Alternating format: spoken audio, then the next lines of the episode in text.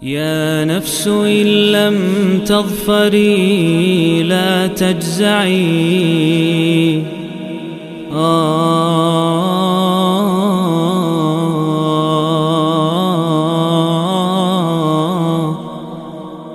بسم الله والحمد لله والصلاة والسلام على رسول الله أما بعد. Para hadirin yang dirahmati Allah, ini adalah pertemuan ke-89. Mengkaji satu demi satu dari 114 surat dalam Al-Quranul Karim Dan kita sudah sampai di surat Al-Fajr Surat ke-89 yang artinya waktu fajar Dan disebut dengan surat Al-Fajr Karena memang Ayat pertama dari surat ini Allah berfirman wal fajar demi waktu fajar. Dan surat ini surat Makkiyah diturunkan setelah surat Al-Lail dan sebelum surat Ad-Duha. Surat ini terdiri dari 30 ayat dan tema besar dari surat ini wallahu alam bisawab adalah perintah memaksimalkan potensi waktu dan harta. Perintah memaksimalkan potensi waktu dan harta. Dan hubungannya dengan nama surat adalah bahwa waktu yang paling potensial adalah waktu fajar. Awal sekali manusia sudah segar setelah istirahat, kemudian masuk ke waktu fajar itu benar-benar di peradaban-peradaban dunia mana pun waktu fajar waktu emas, waktu potensial untuk dimaksimalkan.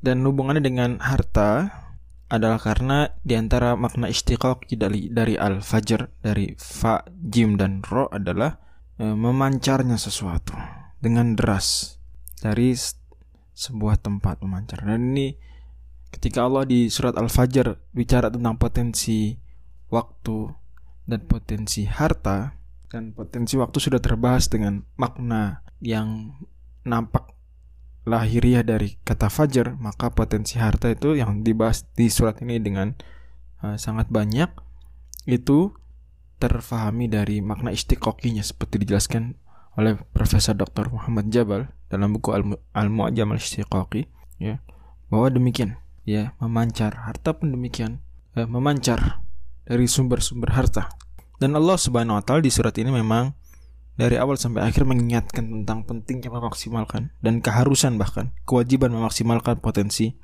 waktu dan harta. Allah firmankan tentang waktu wal fajar, waktu fajar, walayalin asyar malam-malam yang sepuluh.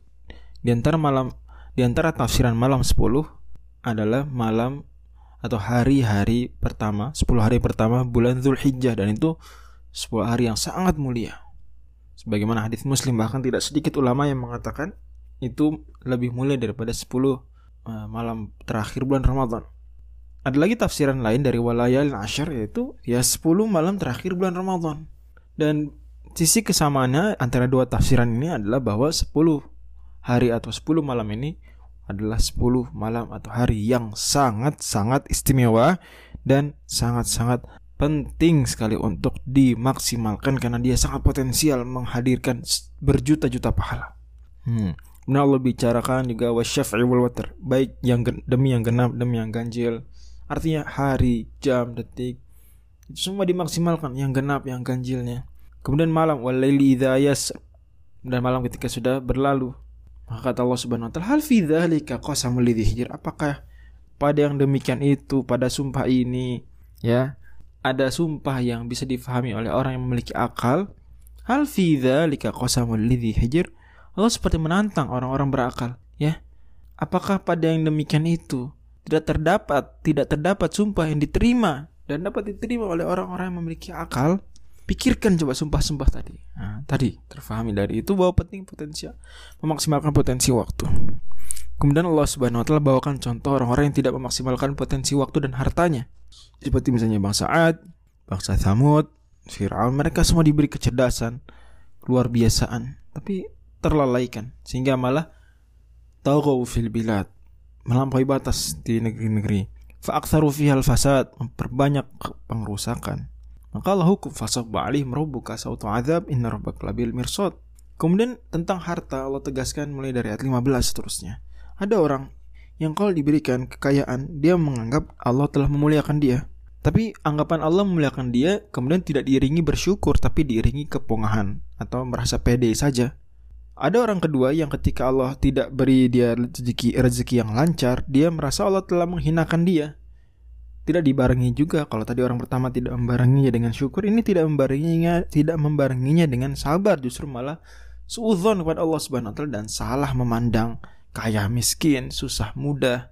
Salah memandang fenomena tersebut. Karena sebetulnya kata Allah, "Kalla, tidak demikian." Itu bukan patokan pemulihan atau penghinaan terhadap hamba Allah ketika memberi kekayaan bukan artinya sedang semata sedang memuliakan. Allah ketika memberikan kesusahan bukan artinya langsung terfahami berarti Allah tidak suka. Allah menghinakan orang tersebut. Oh patokan benar salah. Patokan kemuliaan, kehinaan adalah takwa, adalah syariat, bukan masalah kaya atau enggak. Kemudian Allah tegaskan soalan harta ini. Bala tukrimun yatim kalian ini tidak memuliakan anak yatim dengan harta kalian. Wala tahadduna ala ta'amil miskin kalian tidak memotivasi saling motivasi untuk memberi makanan miskin.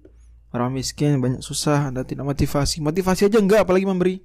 Watakul turas lama sebaliknya harta warisan kalian perebutkan kalian ambil dengan tamak Watuhibunal malah hubban jamma. Kalian malah cinta harta dengan cinta yang membutakan cinta yang berlebihan.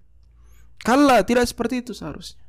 Maka Allah ajak ingatkan manusia untuk kembali sadar bahwa harta dan waktu dua hal yang potensial dimaksimalkan untuk mencapai kebahagiaan tinggi, kebahagiaan tertinggi yaitu kebahagiaan di akhirat. Makanya Allah setelah itu bicara tentang penyesalan mereka ya yaqulu ya laitani qaddamtu li hayati duhai seandainya aku dulu di dunia hidupku itu aku isi dengan harta ah, dengan amal soleh dengan waktuku dengan hartaku tapi ya penyesalan demikian Adapun orang yang memaksimalkan harta dan waktunya maka Allah panggil ya ayah Tuhan nafsul mutmainnah.